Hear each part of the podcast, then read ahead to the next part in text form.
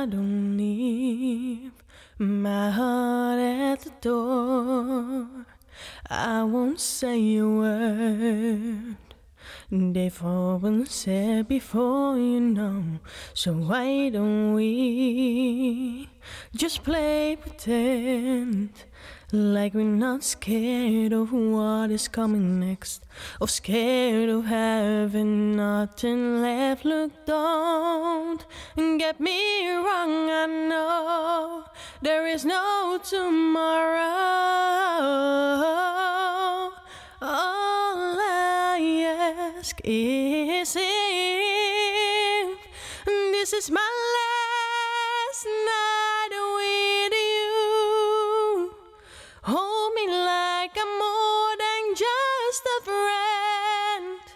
Give me a memory I can use.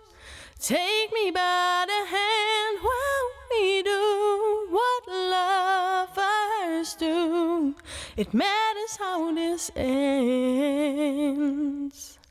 Cause what if I never love again?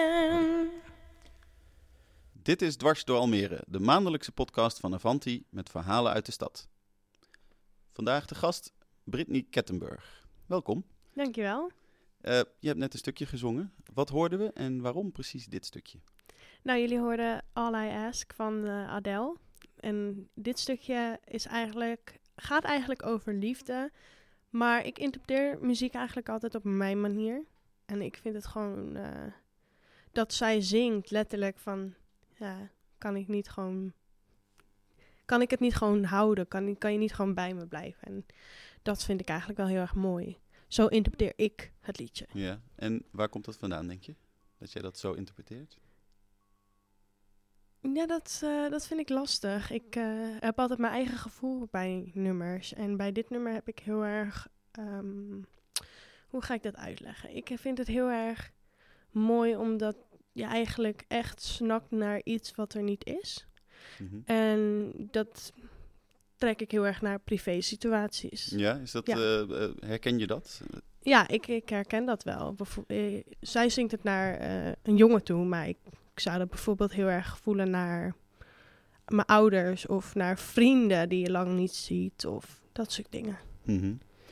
Ja, want ons maandthema is pech. En dan in de breedste zin van het woord. En je hebt nogal wat pech meegemaakt in je leven. Klopt, ja.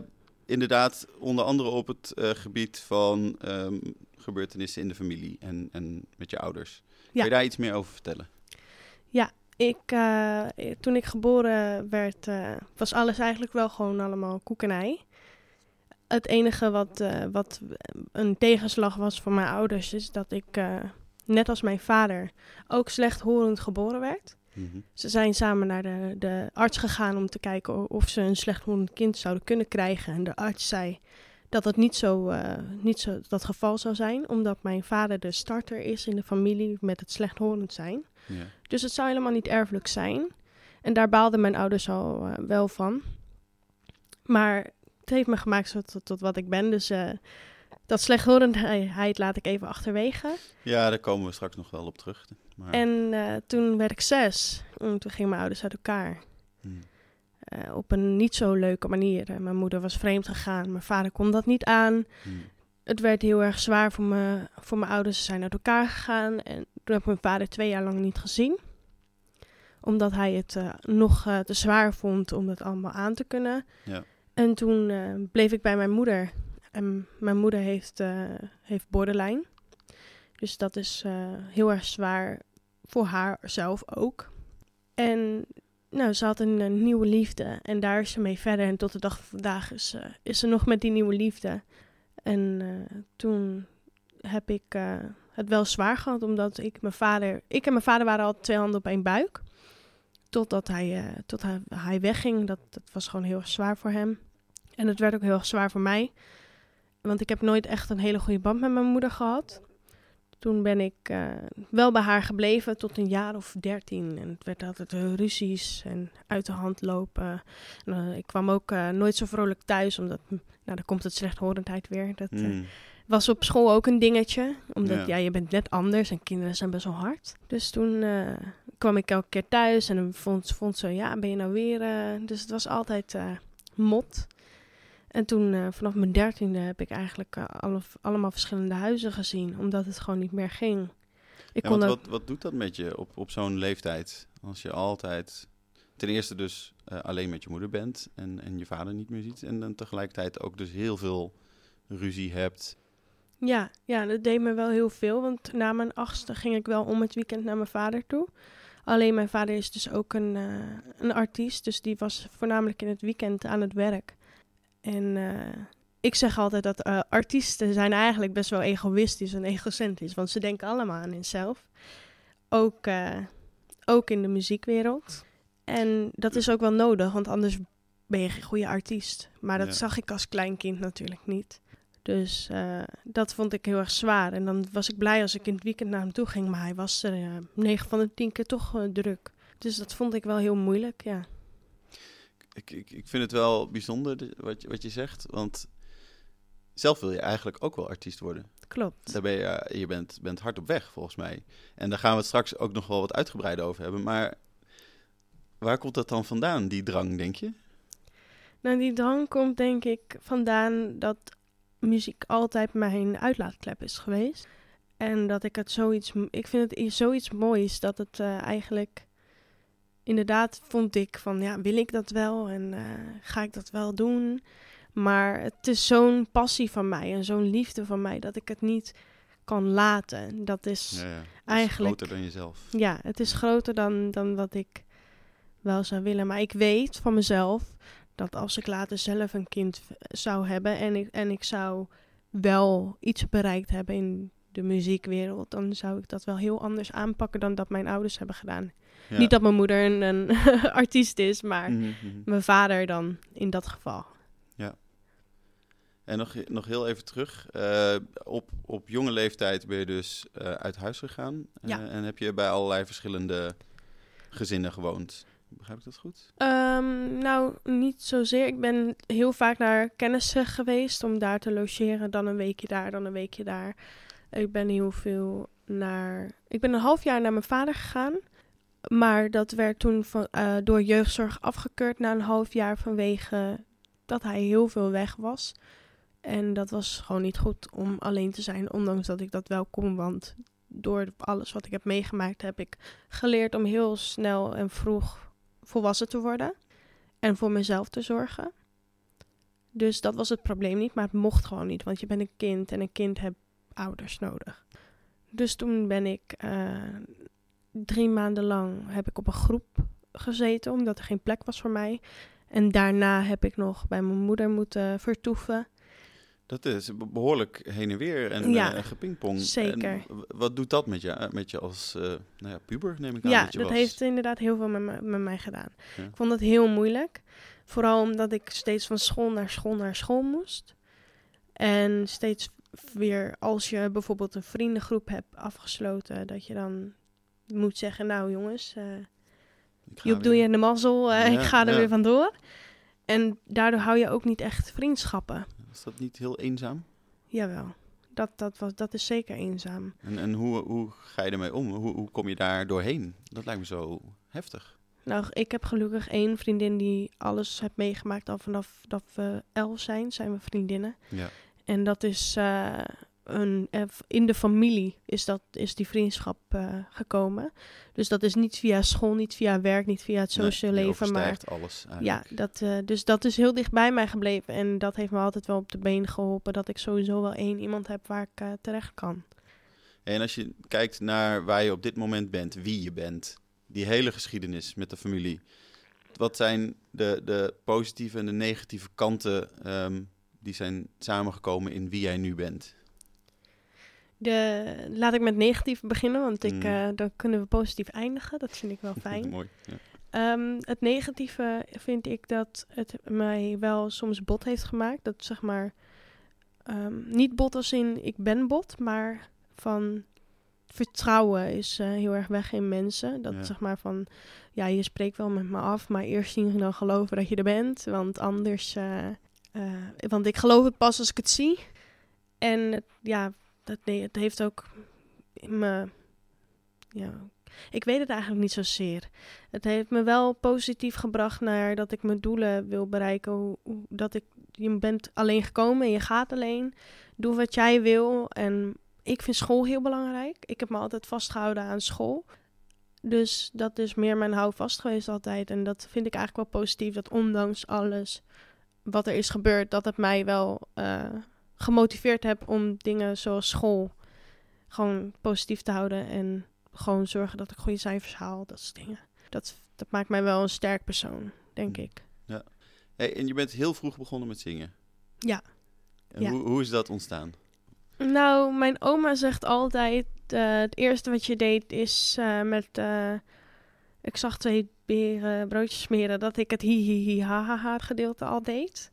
Terwijl ik nog niet kon praten. Dus dat was eh, het eerste wat ik deed. En muziek is altijd al in de familie geweest, want mijn opa kan heel goed piano spelen. En ja, mijn vader kan dus zingen. En als je dat ziet bij je vader. Mijn vader is een heel groot André Hazes fan. Dus dat stond altijd op. Ja. Dus eh, als je dat ziet en je, je, je bent een beetje papa's kindje. Je, je wil alles wat papa heeft en alles wat papa doet, wil jij ook. Dus eh, dat was een beetje erin gegroeid. En toen merkte ik dat ik eigenlijk ook wel goed in ben. En dat ik het heel erg leuk vind. En dat het uitlaatklep is voor mij. Integendeel tot mijn broertje, die kan echt niet zingen. Die is, dat is echt heel vals. En Ja. en dat vind ik dan heel apart. We zijn alle twee slechthorend, maar we kunnen alle twee ehm, zingen.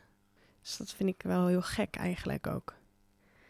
En het is dus heel vroeg begonnen, maar hoe heeft het zich ontwikkeld? Waar ben je het allemaal gaan Mm. doen? En, Voornamelijk in mijn kamer. En mijn moeder had het altijd, tenminste mijn moeder en mijn stiefvader, die zeiden altijd, je moet nu gaan zingen en dat soort dingen. Het werd een beetje af, eh, afgeremd. En toen werd ik 13, geloof ik. En toen kreeg ik van mijn vader een boxje met een microfoon. En toen zei hij, eh, ga, ga jij maar zingen. Want ik was altijd bezig met zingen en ik wilde altijd zingen. En ik, als mijn vader iets had, dan wilde ik ook wel een liedje zingen. Toen ik was zes jaar, stond ik op de, op de, op de kroegbar. En Ja. toen ging ik ook een liedje van K3 zingen. Kijk, het is allemaal super slecht, maar dat is wel hoe ik ben opgegroeid. Toen, het, toen ik wel bij mijn vader was. Dat Mm. was echt wel de, de, de kroegen mee in. Wel op de legale manier natuurlijk. Ja, ja. Niet dat ik midden in de nacht eh, in de kroegen hing.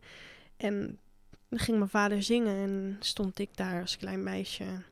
Zo ging dat eigenlijk. En dus ik ben er eigenlijk, het was met een beetje in de wieg, eh, was dat al zo. Ik denk dat het eigenlijk altijd al zo is geweest, maar dat ik het zelf heb ontwikkeld. En je vertelde in het voorgesprek dat je op school op een hele bijzondere manier ook aan het zingen bent geslagen. Ja, klopt. Op school, eh, eh, ik zit op, eh, op het ROC Almere Poort. Doe ik de artiest-acteuropleiding. En daar, daar gaan we eigenlijk altijd voorstellingen spelen en dat soort dingen. En toen ben ik ook aan het zingen geraakt, omdat mensen ook allemaal aan het zingen waren. En het bleek dat ik daar best wel goed in was, ook, ook tevens op school. Gingen we daar mee door blijven gaan en Hmm. mee door blijven gaan. Ik mocht eh, mensen les geven, helpen tenminste. Dat ze zeggen van, ja, je moet me even helpen. Hoe moet ik dit nou doen? Ze komen ook echt met advies naar mij toe. En eh, in het tweede jaar, dus vorig jaar, moesten we stage lopen. En toen heb ik eh auditie gedaan voor een televisieprogramma, The Talent Project. En het is toen best wel goed gegaan. Ik ben bij de laatste 28 zat ik tussen. Het was eh, heel leerzaam, want je gaat dan naar de academy en dan leer je heel veel. Hmm. Maar eh, helaas niet uitgezonden. Ook niet helemaal helaas, want aan de andere kant vind ik het ook wel heel erg fijn dat ik eh, niet ben uitgezonden. Ja, vertel. Ja, het ging niet helemaal lekker. Zeg maar, met mijn tweede auditie, dus de grote auditie voor heel veel mensen, ging niet helemaal lekker. Omdat er, er is iets tussen gekomen waardoor ik heel erg emotioneel was geraakt. Mijn Mm. vader was niet opkomen dagen. En dat deed mij wel heel veel. Dus ik werd emotioneel, waardoor het niet zo heel erg lekker ging. Maar eh, ik ben wel heel trots op wat ik daar allemaal heb bereikt. Dus dat was wel. eh, ze weten nou wel een beetje wie ik ben. Dus dat is heel fijn. En wat, wat hoop je uiteindelijk te gaan doen met je opleiding? Ja, ik wil, eh, dit is misschien een hele andere wending. Ik wil heel graag dramatherapeut worden. Oké. Dus hierna wil ik eh, social work of vaktherapie drama gaan studeren. Mhm. Ik ben daar nog even aan het over twijfelen. En dan wil ik eh, graag mensen, bijvoorbeeld in de TBS-kliniek of eh, kinderen, heel graag helpen door middel van drama. En dat kan ook met muziek. Mhm. En daarnaast wil ik heel graag kijken wat muziek mij kan brengen en dat gewoon als hobby daarnaast doen. Ik zou daar nooit, ehm, nou, wie, dat kan ik eigenlijk niet zeggen, nooit. Op dit moment zie ik het niet voor me dat dat mijn baan gaat zijn, omdat het sowieso heel zwaar is om hoger op te komen. En eng, zeker en eng. Maar ook, zeg maar, het moet je eigenlijk overkomen om groter te worden. Mhm. Maar ik zou nooit eh, dat later als mijn baan willen op dit moment. Ja. Als ik bijvoorbeeld een, eh, een kind krijg, wil ik eh, daar wel volop eh mijn aandacht. Dus dan wil ik het meer als bijzaak, want dan is het ook bijzaak in het leven. Ja. En waar komt dat vandaan dat je dramatherapeut zou willen worden? Nou, dat is meer. jeetje, een kikker in mijn keel. Dat is meer eh, door alles wat ik heb meegemaakt. Dus zou Ja. ik heel graag andere kinderen willen helpen. En ik merk gewoon heel erg dat praten voor heel veel mensen niet werkt. Dus dan helpt het wel om het bijvoorbeeld na te spelen. Dus dat eh, zou ik heel graag willen doen. Om mensen te helpen. Zijn daar specifieke eh, richtingen voor je, qua opleiding die je kan doen? Of? Ja, ja, dat wat ik net zei, vaktherapie, drama. Mhm. Daar heb je ook eh, muziek en kunst voor. En daar kan je je specialiseren tot dramatherapeut Ja, ja. of muziektherapeut. En dan ga je door middel van drama of door middel van muziek of door middel van kunst help je je cliënten. Heb je dat in de praktijk al eens gezien, hoe dat werkt? Ja, zeker. Ik heb het zelf ook gehad, Oh, dramatherapie. Ik vond het persoonlijk helemaal niks.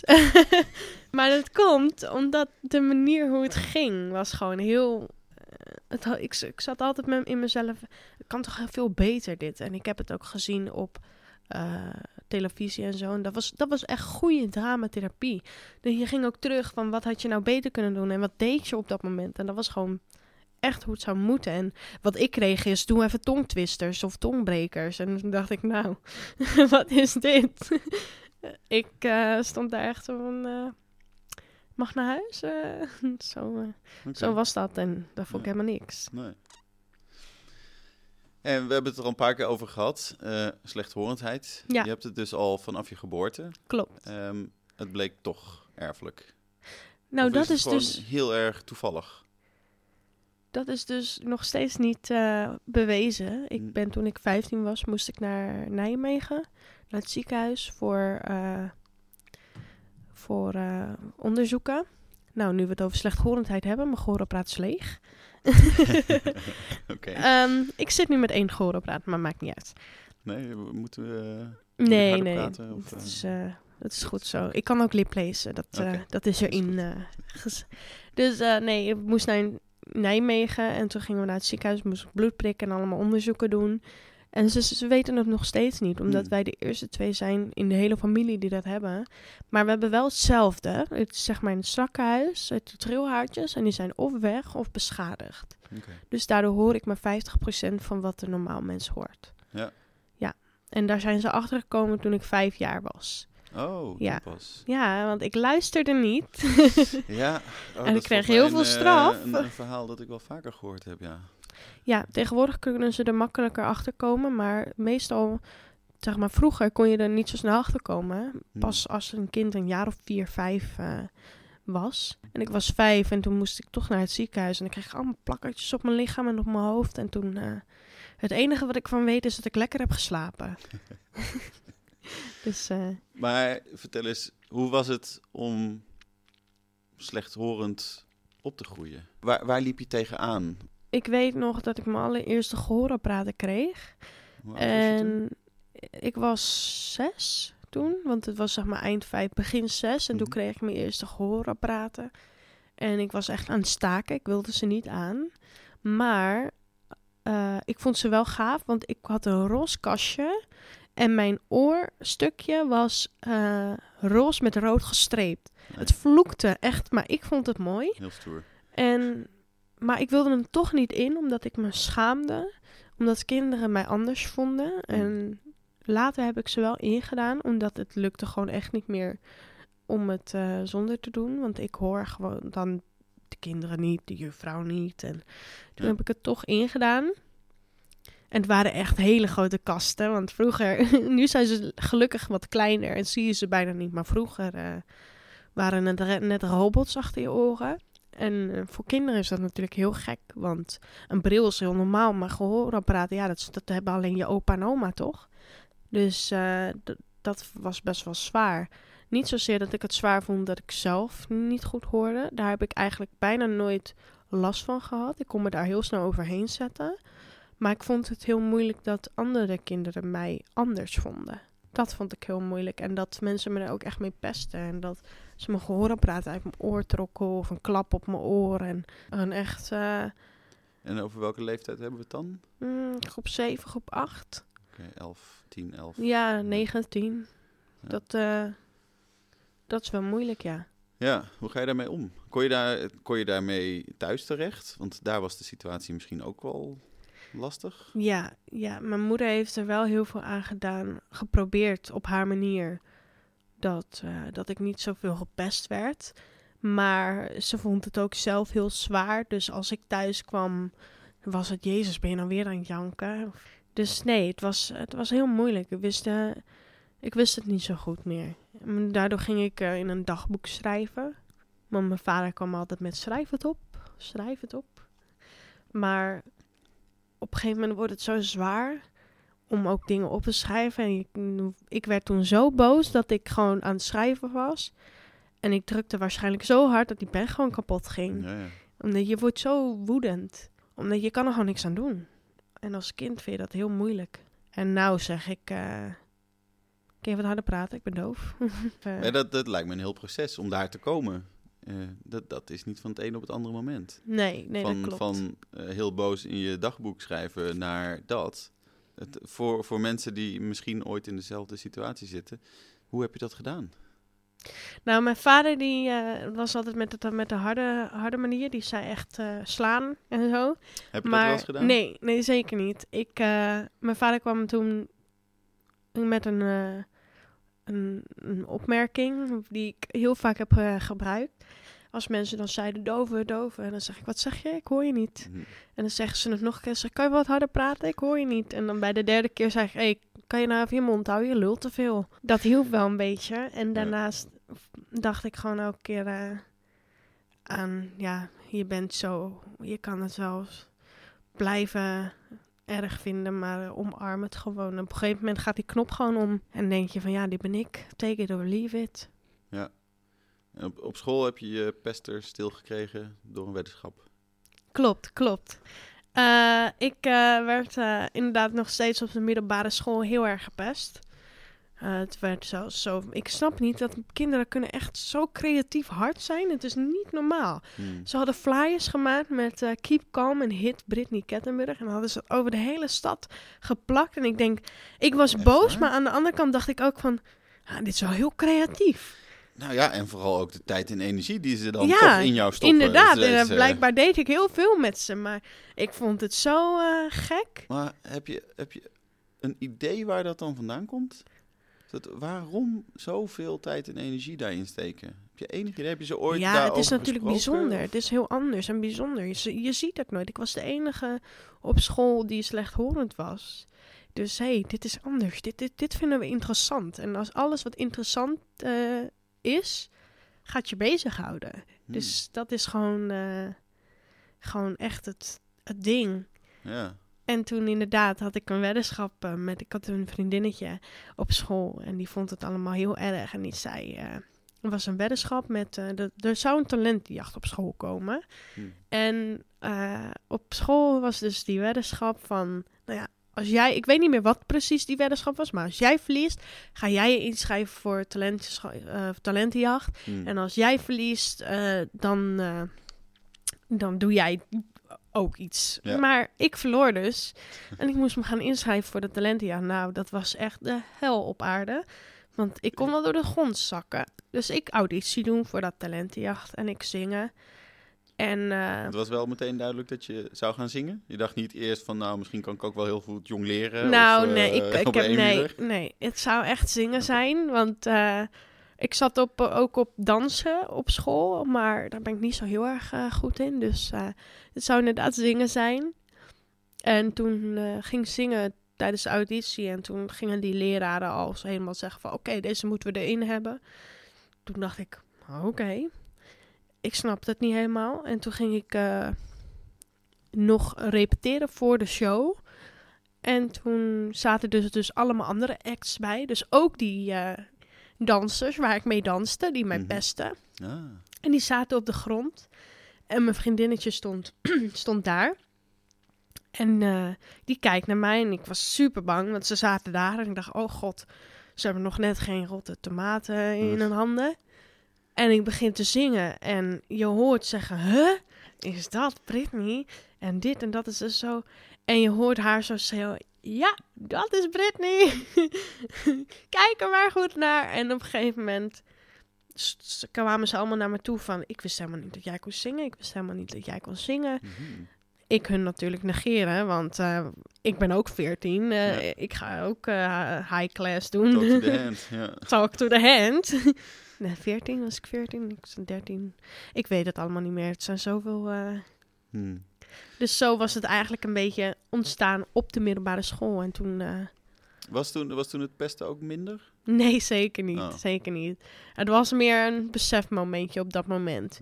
Ja. niet lang daarna ging ik van school af. Dus eh, het was wel minder. Het was, eh, was niet volledig weg. Mhm. En je timmert dus lekker aan de weg qua, qua studie en qua zingen. Je, je woont inmiddels op jezelf? Nee, ik ben op zoek naar mijn eigen woning. Want eh, in januari eh, stopt mijn, eh, mijn verlenging Mhm. in het gezinshuis. Ik zou er wel mogen blijven, maar dan mijn kamer daar huren. Maar het liefst wil ik gewoon lekker een plekje voor mezelf. Ja. Maar dat is heel moeilijk te vinden in Almere, dus daar ben ik nu mee bezig. Ja. En hoe, hoe is het op dit moment tussen jou en je familie? Op dit moment is die band nog steeds niet hoe ik het hebben wil, maar ik weet dat dat nooit, nooit zal gebeuren. Ik heb nog steeds eh, niet heel veel goede contacten met mijn ouders. Het is meer een soort van contact die je een beetje met je verlaten oom en tante hebt. Dus je spreekt ze even, hey, hoe is het? En dat, eh, dat is het. Ik probeer het wel, maar Ja, op, wel- op soms- welke manieren? eh, om een nachtje bij mijn moeder te blijven slapen. Of eh, contact te zoeken. Maar ik bel niet heel veel met mijn moeder. Mer- Merk je wel dat er, eh, als je terugkijkt naar hoe het was vlak voor je bijvoorbeeld uit huis ging, is het al beter? Dat wel? Nou, er zijn minder escalaties. Oh Maar het is niet beter. Hmm. Zeker niet. Ik heb heel erg het gevoel dat ik me... Ik voel me heel erg achtergesteld. Zeg maar, ze gaan op vakantie als gezin, maar dan gaan ze zonder mij op vakantie. En dat steekt nog steeds een beetje. Ja, dus dat is meer zulke kleine dingetjes. Ik snap het, maar het doet nog steeds pijn. Dus dat blijft eigenlijk altijd zo. Dus het maakt eigenlijk niet uit wat ze doen, wat er gaat gebeuren. Het blijft altijd wel een beetje zo. Mhm. Als, als kind eh, slechthorend zijn, dan eh, krijg je te maken met, met pestkoppen en met, eh, nou ja, je, je zei, je vond het niet eens zozeer vervelend dat je zelf minder hoorde, maar vooral dat anderen je anders zagen. Hoe heeft dat zich ontwikkeld? Waar, waar loop je tegenwoordig nog tegenaan? Of loop je überhaupt nergens tegenaan met, je, met je slechthorendheid? Ik loop in het dagelijks leven er tegenaan dat ik veel moe ben, omdat ik me heel erg moet focussen om alle geluiden binnen te krijgen. Hmm. Dat vind ik wel lastig, maar ehm, deze opleiding ze heeft mij ook heel veel gebracht die ik nu doe. Want deze klas waar ik nu in zit, hebben me, geven mij zoveel respect voor het feit eh, dat ik slechthorend ben en ze zien me niet als anders. En heel veel mensen vergeten ook heel erg dat ik slechthorend ben. En dat vind ik eigenlijk alleen maar fijn. Ik hoor er gewoon nu voor het eerst ook echt bij. En dat, eh, dat, dat heeft wel mijn zelfverzekerdheid ook eh, ontwikkeld. Hmm. want daardoor ben ik ook zelfverzekerder geworden dat ik gewoon kan doen en laten wat ik wil, ondanks mijn slechthorendheid. En ik zeg altijd dat ik geen handicap heb, want uh, ja, dat is het gewoon. Ik heb geen handicap, ja, ik ben slechthorend, maar iemand met één arm kan ook gewoon drummen en iemand die blind is kan ook gewoon schilderen. Dus je moet gewoon je dromen volgen, ondanks wat je hebt. En zo kijk ik ernaar. Mooi. Dankjewel dat je hier wilde zijn. Geen probleem. Ik vond het leuk.